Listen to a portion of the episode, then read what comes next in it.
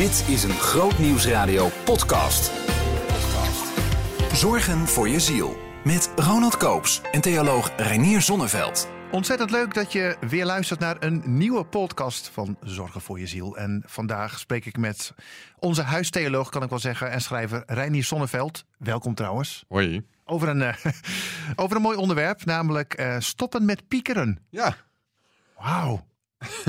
heb jij vannacht gepiekerd, Ronald?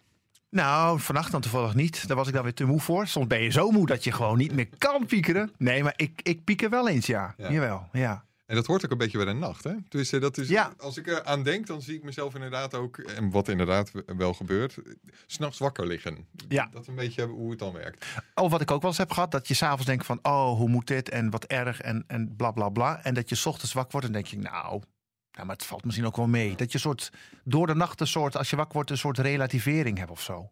Ja, nou ja, dat, dat heeft overigens te maken met eh, het voorste gedeelte van je hersenen. Eh, de- Ik zal wat technisch uitleggen, maar die, die controleren eigenlijk onze emoties.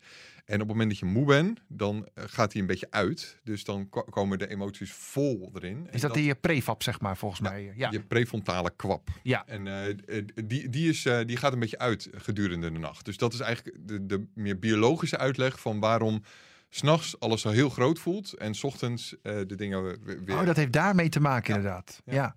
hey, waarom eh, het onderwerp piekeren?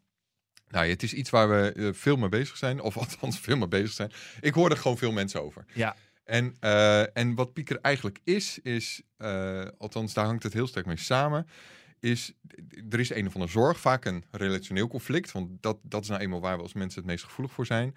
En wat je doet bij piekeren is het conflict wat je hebt en de gesprekken die je hebt voorbereiden. Dus je, je, je bent je bent argumenten aan het klaarzetten. Dus je zit heel vaak het gesprek eindeloos veel keren in je hoofd te herhalen.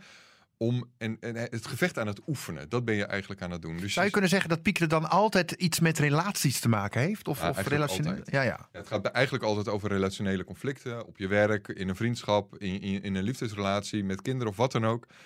En je bent het, de confrontatie die aan het komen is, ben je in je hoofd aan het voorbereiden. Dus je zit, en dat, dat is de reden waarom je wakker blijft. Je zit daardoor eigenlijk voortdurend in een soort vecht- en vluchtstand, zou je kunnen zeggen. Dus je bent daardoor extra energiek, extra alert. En je zit nou ja, te oefenen voor het gevecht. Dat Hm. is piekeren. Ja, interessant.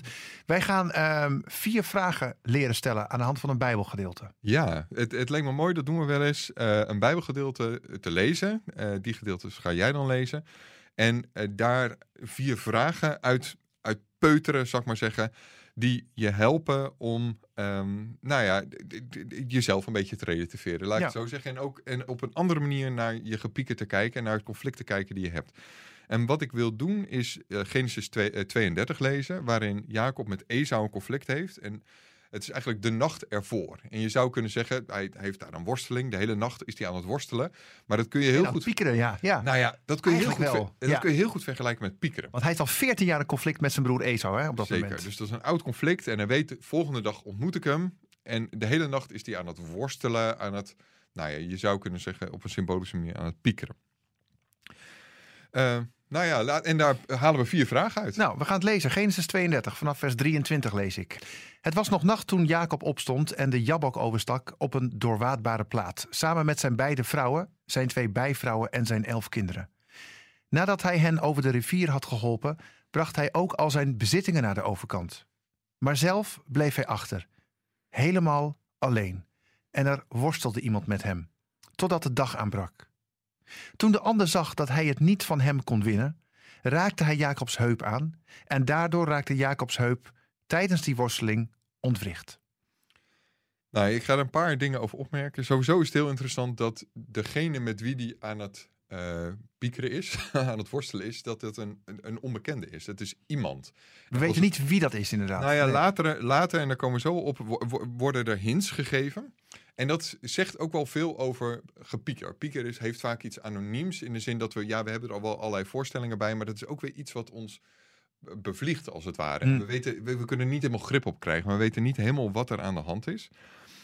En wat ik een heel interessant eh, element vind hieraan is, hè, dus wat is er ooit gebeurd. Eh, dus Jacob heeft en het eerstgeboorterecht gestolen, zou ik maar zeggen, van Esau. En de zegen vervolgens gestolen van Esau. Ja, door te liegen eigenlijk. Ja. Zijn moeder had er ook weer een rol bij, geloof ik. Hè? Maar, Ja, zeker. En, en wat je een beetje kunt raden, wat er op de achtergrond speelt, is dat Jacob een beetje in moderne termen gezegd een soort zich achtergesteld voelt, een soort minderwaardigheidscomplex heeft.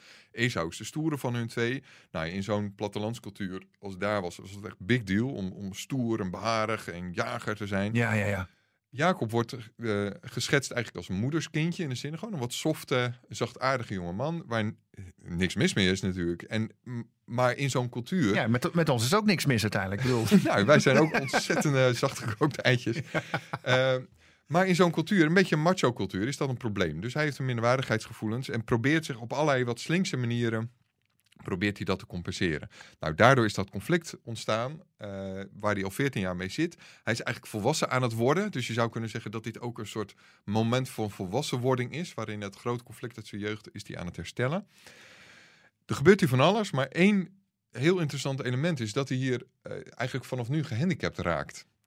En dat is op zijn minst ook symbolisch. Dus hè, hij raakt uh, mank vanaf dat moment. Uh, en, en, en, ja, want zijn heup wordt, wordt soort van aangeraakt, staat er dan. Ja, of, ja, hij krijgt er gewoon een enorme map op en, ja. en hinkt vanaf dat moment. Ja. En dat is op zijn minst ook symbolisch. Dus, want wat gebeurt er bij conflict is dat je er eigenlijk altijd een soort, ja, je zou kunnen zeggen, blauwe plek of een litteken aan overhoudt. Een gevoeligheid. Ja. En dat blijft pijn doen natuurlijk ook. Nou ja, ja. exact. En, en daar zit wel een, een, vraag die je zelf altijd kunt stellen op het moment dat je aan het piekeren. Van wat, wat is nou, nou, heel breed gezegd, wat is nou mijn rol hierin? Uh, en wat is mijn, uh, iets specifieker gezegd, wat is mijn gevoeligheid hierin? Wat is mijn, uh, wat is mijn gevoelige plek? Waar hap ik nou hierop? Waarom is dit nou voor, mijn zo, voor mij zo'n pijnlijk ding? Ja, dus eigenlijk moet je, kijk, prachtig natuurlijk, podcast Zorgen voor je ziel. Je moet even met je ziel te raden gaan eigenlijk. Wat Ja. David ook wel eens doet. Waarom ben je zo onrustig in mij? Eigenlijk zeg je, Exact. gesprekken gaan met jezelf van, wat, wat zit hier nou achter? Wat, waarom ben je nou zo... Nou, wat, wat, wat ik, bang, wat ik eigenlijk altijd merk, is dan zit ik enorm te mopperen op iemand anders. Of enorm inderdaad bang te zijn voor iets van, oh, wat kan er allemaal, allemaal gebeuren? En het helpt om even te zoeken van, ja, waarom ben ik hier nou zo bang voor? Waarom Hmm. word ik hier nou zo boos van? Wat zegt dit nou over mij? En dan heeft het bijna altijd weer met de een of andere iets in je jeugd te maken. Ja, ja, altijd weer natuurlijk. je zegt, ben je in je jeugd te maken? Ja, nou ja, en dat helpt wel om het een beetje te relativeren. Want een ander zou daar waarschijnlijk niet over piekeren. Ja, want dan kun, je, dan kun je voor jezelf in ieder geval concluderen... Oh, maar, oh, maar wacht even, het is goed. Want het komt daar vandaan. Dus dat snap ik wel van mezelf. Nou ja, ja. We gaan eh, naar het eh, volgende Bijbelgedeelte. Vanaf vers 27 is dat. Toen zei de ander, laat mij gaan, het wordt al dag. Maar Jacob zei, ik laat u niet gaan, tenzij u mij zegent. De ander vroeg, wat is je naam? Jacob, antwoordde hij. Daarop zei hij, voortaan zal je naam niet Jacob zijn, maar Israël. Want je hebt met God en mensen gestreden en je hebt gewonnen. Jacob vroeg, zeg me toch hoe u heet. Maar hij kreeg als antwoord, waarom vraag je naar mijn naam? Toen zegende die ander hem daar. En Jacob noemde die plaats Peniel. Want, zei hij, ik heb oog in oog gestaan met God en ben toch in leven gebleven. Zodra hij bij Peniel was overgestoken, zag hij de zon opkomen. Jacob liep mank. Nou, wat ik heel fascinerend vind, is dat die ander lijkt eigenlijk gewoon sterker dan Jacob. Hè? Maar gaat vervolgens wel vragen of Jacob hem los wil laten. Of die hem, nou ja, laat mij gaan. Ja, Nou, en dat loslaten, daar zit natuurlijk iets in. Hè? Dus op een manier moet Jacob zelf ervoor kiezen om dat gevecht te eindigen. En daar zit ook, nou ja, er zit een heel mooie suggestie in op het moment dat je aan het piekeren bent. Je hebt blijkbaar zelf een mogelijkheid in je om het gevecht te stoppen. En nou ja, dat, en dat ligt in de clue, want wat, wat wil hij namelijk? Hij kan pas stoppen op het moment dat hij die zegen heeft. Dus, op, dus het gaat, de weg gaat via zelfkennis, zou ik maar zeggen. Hè? Dus Jacob heeft die zegen nodig. Hij heeft die minderwaardigheidsgevoelens. Hij heeft het gevoel, ik doe er niet toe. En ik, ik ben allemaal de mindere van, de, van, van, de, in de, van deze tweelingbroer, in deze macho cultuur. En hij beseft dat hij die zegen nodig heeft. Nou ja, dat dus loslaten gaat blijkbaar via het besef van, ja, wat heb ik hier eigenlijk nodig? Hm. Dus daarin zit een hele, nou ja, mooie vraag ook aan jezelf. Waar we een beetje, nou ja, die wordt nog ietsje duidelijker op het moment dat je inzoomt op wat er verder gebeurt. Namelijk, het is heel onduidelijk met wie die eigenlijk gevochten heeft. ja de ander staat er steeds. Ja, Ander iemand, maar vervolgens krijgt hij zelf een nieuwe naam. Zoals je inderdaad in conflicten ook een soort, nou ja, nieuwe identiteit krijgt in de zin van dat gaat jou zelf definiëren. Je, je, je ontdekt er veel over jezelf aan. En die nieuwe naam is worstelen met God. En daarin zit natuurlijk de hint. Wat is hier gebeurd? Hij heeft blijkbaar geworsteld met God. Dat is nou voor één laag wat er gebeurd is. Maar dat blijkt uit zijn naam, begrijp Dat ik blijkt dan. dus uit zijn eigen naam. Uit zijn nieuwe naam, zijn- Israël. Ja. Exact. Dus dat is wat hem is gaan definiëren. Dat was wat hier eigenlijk aan de hand was. Hij was niet zozeer met zijn broer aan het vechten, Ah. maar was hij eigenlijk met God aan het vechten. Juist.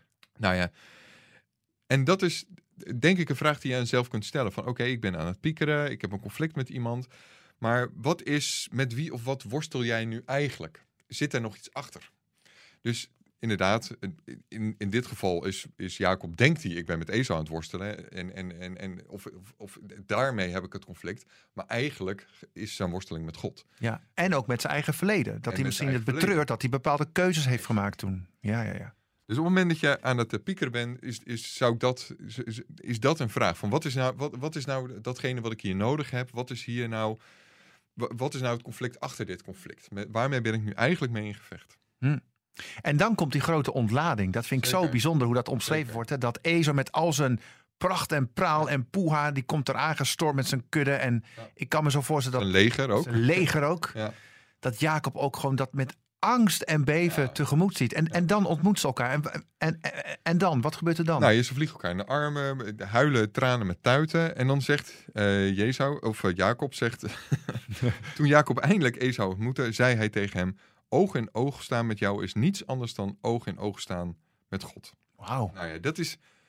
Hier gebeurt iets, iets heel wonderlijks, zeg maar. Hè? Want dat oog in oog staan hebben we net gehoord. Dus bij dat conflict wordt dezelfde formulering gezegd. Hè? Hij zegt van, ik heb oog in oog gestaan met God en ik ben toch in leven gebleven. Dat zei, had hij die ochtend Ja. gezegd. Een paar uur later zegt hij, oog in oog staan met jou is hetzelfde als oog in oog staan met God. Wacht even, wat is dit voor Ja. hint? Wat zegt Jacob nu eigenlijk? Nou, veel Joodse uitleggers zeggen, hij heeft eigenlijk die nacht met Esau geworsteld. Letterlijk, gewoon op zijn allerletterlijkst. Dit was een, een gevecht, letterlijk met zijn broer, wat, wat ze toen al hebben uitgeknokt en waar ze nu pas verzoening bij zoeken. Ik weet niet precies hoe het zit. Zou het kunnen, denk je? Ja, waarom niet? Ja. Het, het kan, het, binnen, binnen, wat, binnen de mogelijkheden van het verhaal kan het eigenlijk. Eh, maar de formulering van Jacob is ietsje opener. Hij zegt van ja, oog in oog staan met jou is niets anders dan oog in oog staan met God. Hm. Dus het lijkt erop, zou je kunnen zeggen. En afval, een, een sterke suggestie in het verhaal is dat de persoon met wie hij heeft gevochten, dat hij er gewoon hetzelfde uitzag als Esau. En slash dat het Esau zelf was. Want het was natuurlijk donker. En Jacob vroeg namelijk van, zeg maar toch hoe u heet. Dus had, had Jacob dan niet door, denk je? Ja, Nou ja, wat zou kunnen is één, eh, ze- er is een afstand van 14 jaar. dus ze Ja. zijn nogal veranderd. Ze waren, ze waren kind, ze zijn man geworden. Mhm. Het was donker, dus eh, weet je wel, en, en, en eh, zeker als het een, een, een, een nacht zonder maan was, ja, dan zie je elkaar gewoon echt niet goed. Nee, en als de ander ook niks zegt of niet spreekt, dan... Exact. Ja. Dus wat zou kunnen is, ze zien elkaar en Jacob denkt, oh, wacht even, jij, jij was degene met wie ik de hele nacht gevochten heb. Ogen, en jij, jij, zei, jij suggereerde dat je God was. En dan maakt hij dus de suggestie, oog in oog staan met jou is niets anders dan Ja, oog in oog staan ja, ja. met God. Ja. Dus, en dat is een, een van de lagen, inderdaad, denk ik, die überhaupt bij conflicten speelt. Ja, je denkt altijd dat je met een, me- een mens van doen hebt, maar er speelt altijd iets van God mee. Eh, God is met die ander bezig en God is dus ook met dat conflict bezig. Dus een van de vragen die je zelf kunt stellen is in een conflict, ja, hoe, wat, wat zie je van God in die ander? Als je aan het Maar dat lijkt me tamelijk moeilijk. Want als je boos bent op die ander... Ik kan me ook voorstellen dat woede en frustratie... een soort van vernauwing oproept. Dat je met een vernauwde blik kijkt naar iemand anders. Dat lijkt me dan heel moeilijk om zulke vragen naar jezelf te stellen als het ware. En dat wil je niet. En, en dat is wel precies wat je, wat je nodig kan hebben, zeg maar. En eh, misschien moet je het ietsje veiliger houden. En dan is het iets van, ja, wat wil God mij leren in dit, eh, in dit Ja. conflict? Nou, dat de andere een grote uh, Ja, puntje, puntje, rattenhoofd is. Ja. nou ja, maar het, het, het kan echt een ander perspectief geven. Hoe is, God, hoe is God nou bezig met die ander? Wat zijn nou de waarden van God die de ander hier probeert eh, uit te dragen? Nou ja, ik herinner me een, eh, een conflict wat ik had, waarbij de ander enorm eh, precies en nauwkeurig en, en weet ik veel wat bezig was. En dat vond ik enorm benauwend. Maar ja, dat ging natuurlijk over de waarde eerlijkheid. Dat is wat die ander wilde. Weet je wel? Die, degene wilde dat het rechtvaardig en eerlijk gebeurde. En dat was wel degelijk waar diegene inspiratie van God uit had. En dat Hmm. is voor mij wat allemaal te en, en overdreven en, het, en niet zo lekker gecommuniceerd. En natuurlijk vond ik dat ik zelf gelijk had. Maar dat was wel degelijk iets wat ik van God zag in die ander. En dat hielp mij. Ja. Hoe kun je nou eh, ontkomen aan je, laat ik maar zeggen, het narcisme van het eigen gelijk? Want dat denk je toch vaak. Ik heb gelijk, ik zie het zoals ik zie. Hoe, hoe kun je nou jezelf dwingen? Want je zei net ook zoiets moois van, ehm, je wil het niet, maar je hebt het wel nodig. En dat geldt voor dit ook. Even een soort helikopterview. Ja. Hoe, hoe doe je dat? Als je zo misschien wel vastzit in die boos en dat gepieker, weet je wel? Nou ja, de, praktisch eh, helpt het.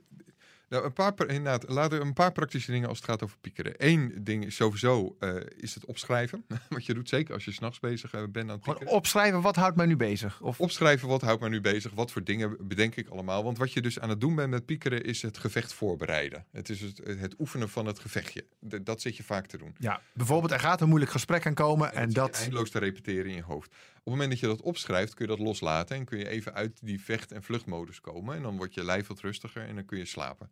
Dus dat is een soort, even heel simpel gezegd, een, een manier Ja. om, om het even wat rustiger te Dat is maken. heel simpel, maar goed. Nee, grapje. Eh, en een, een andere eh, advies, dat werkt s s'nachts waarschijnlijk wat minder. Maar eh, overdag, zeker kun je dat doen, is eh, er met een ander over praten. En dat klinkt allemaal. En, en dan, dan moet je een be- beetje iemand uitzoeken die ook een beetje kritisch kan zijn. Want het, het eigenaardige is op het moment dat je een, met een al te empathisch iemand aan het praten bent, dan wordt het alleen maar sterker. Dus dan is het van, eh, ja, die ander is toch ook een, eh, nou ja, een rat, weet ik veel wat. Wat je allemaal denkt over Ja, die ja, inderdaad. Ja, ja, ja, ja. inderdaad, het is een verschrikkelijke raad. En dan wordt het alleen maar groter. Dus het moet iemand zijn die een beetje tegengas kan Of je geven. moet het gewoon misschien uitspreken van... joh, ik wil je wat tegenaan, maar, maar eh, feel free om te zeggen van... hé, hey, hoe je het echt over denkt. En daar zit eigenlijk al de beslissing. Want je voelt e- eigenlijk al aan op het moment dat je aan zo'n gesprek begint van ja, ja, ja.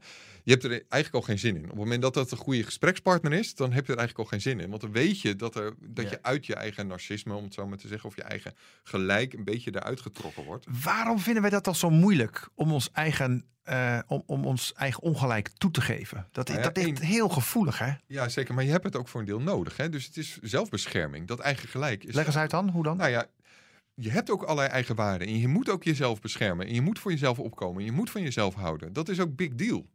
En op een manier, bij een gevoel, heb je, bij een conflict bedoel ik, heb je het gevoel dat je, eh, dat, dat onrecht wordt aangedaan. Alleen dat gaat te ver. Je, je zit vast, zal ik maar zeggen, in die verdediging. Dus je zit alleen maar hogere muren op te werpen. Oh. Zo ook eens een keer eh, de, de, vijand kan binnenlaten, om het zo maar te zeggen. Of eens een keer de poort uit moet en, en de hand moet schudden van de vijand. Maar het is een bepaalde muurbouw of een bepaalde verdediging. Dat, is, ja, dat, heb je, dat zegt iets over je eigen waarde. Ja, dus je zegt dat is op zich niet gek. Dat is wel logisch. Alleen, als ik je goed eh, begrijp en hoor...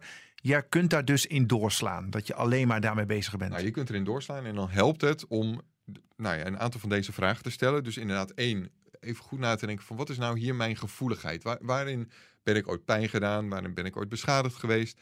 Zoals Jacob mank gaat lopen. Hè? Dus wat, en, en Jacobs pijn is uiteindelijk zijn eigen minderwaardigheidsgevoelens en een macho-cultuur. Zijn eigen softheid in een macho-cultuur. Met wie vecht ik nu eigenlijk? Dat is een tweede vraag. Wat, waar, hoe is God bezig met die ander? Dat zijn allemaal vragen die, die een beetje je eigen gelijk kunnen openen. En een, de- en een vierde vraag.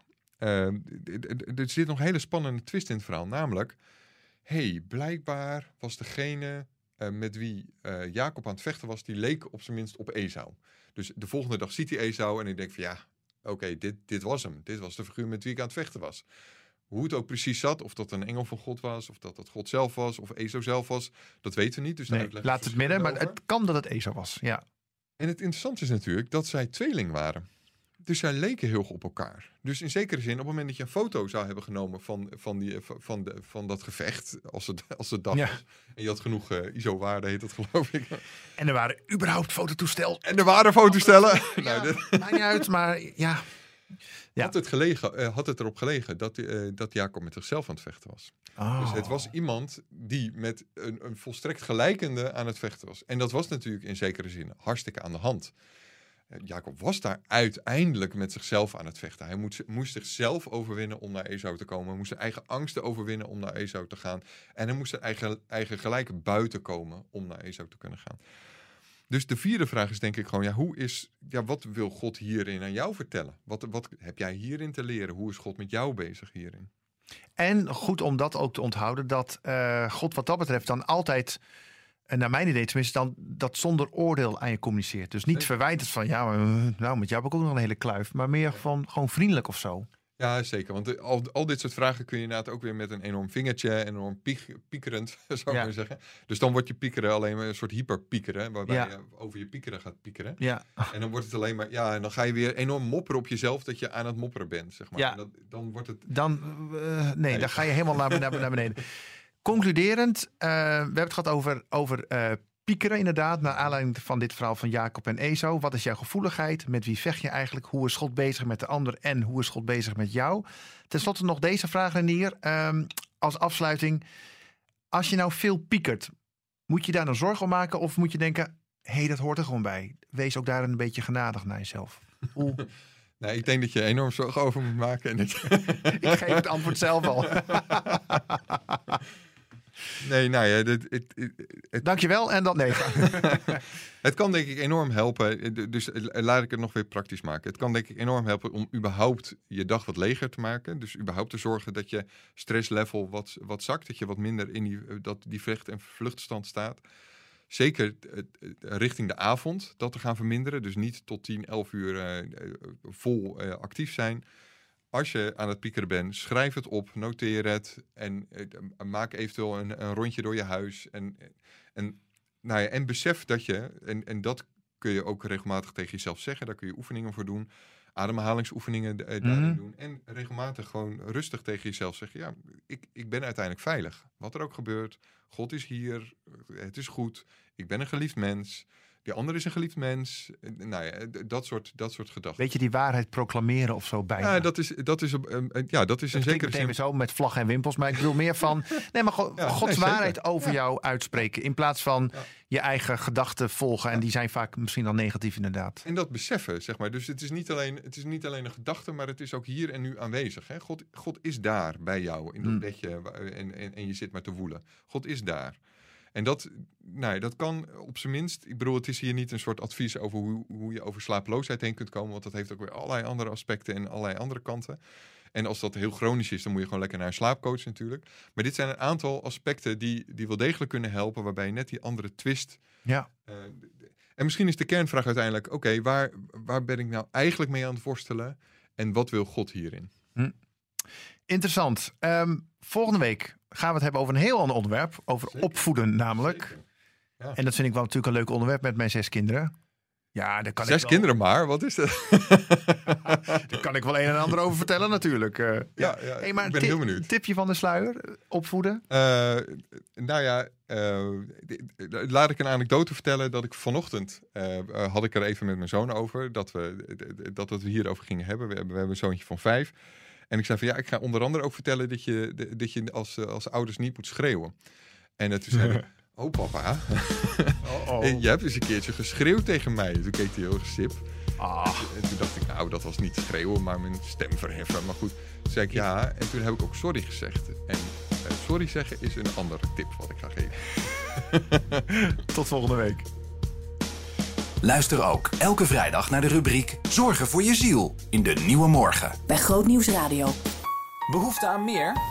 Grootnieuwsradio.nl slash podcast.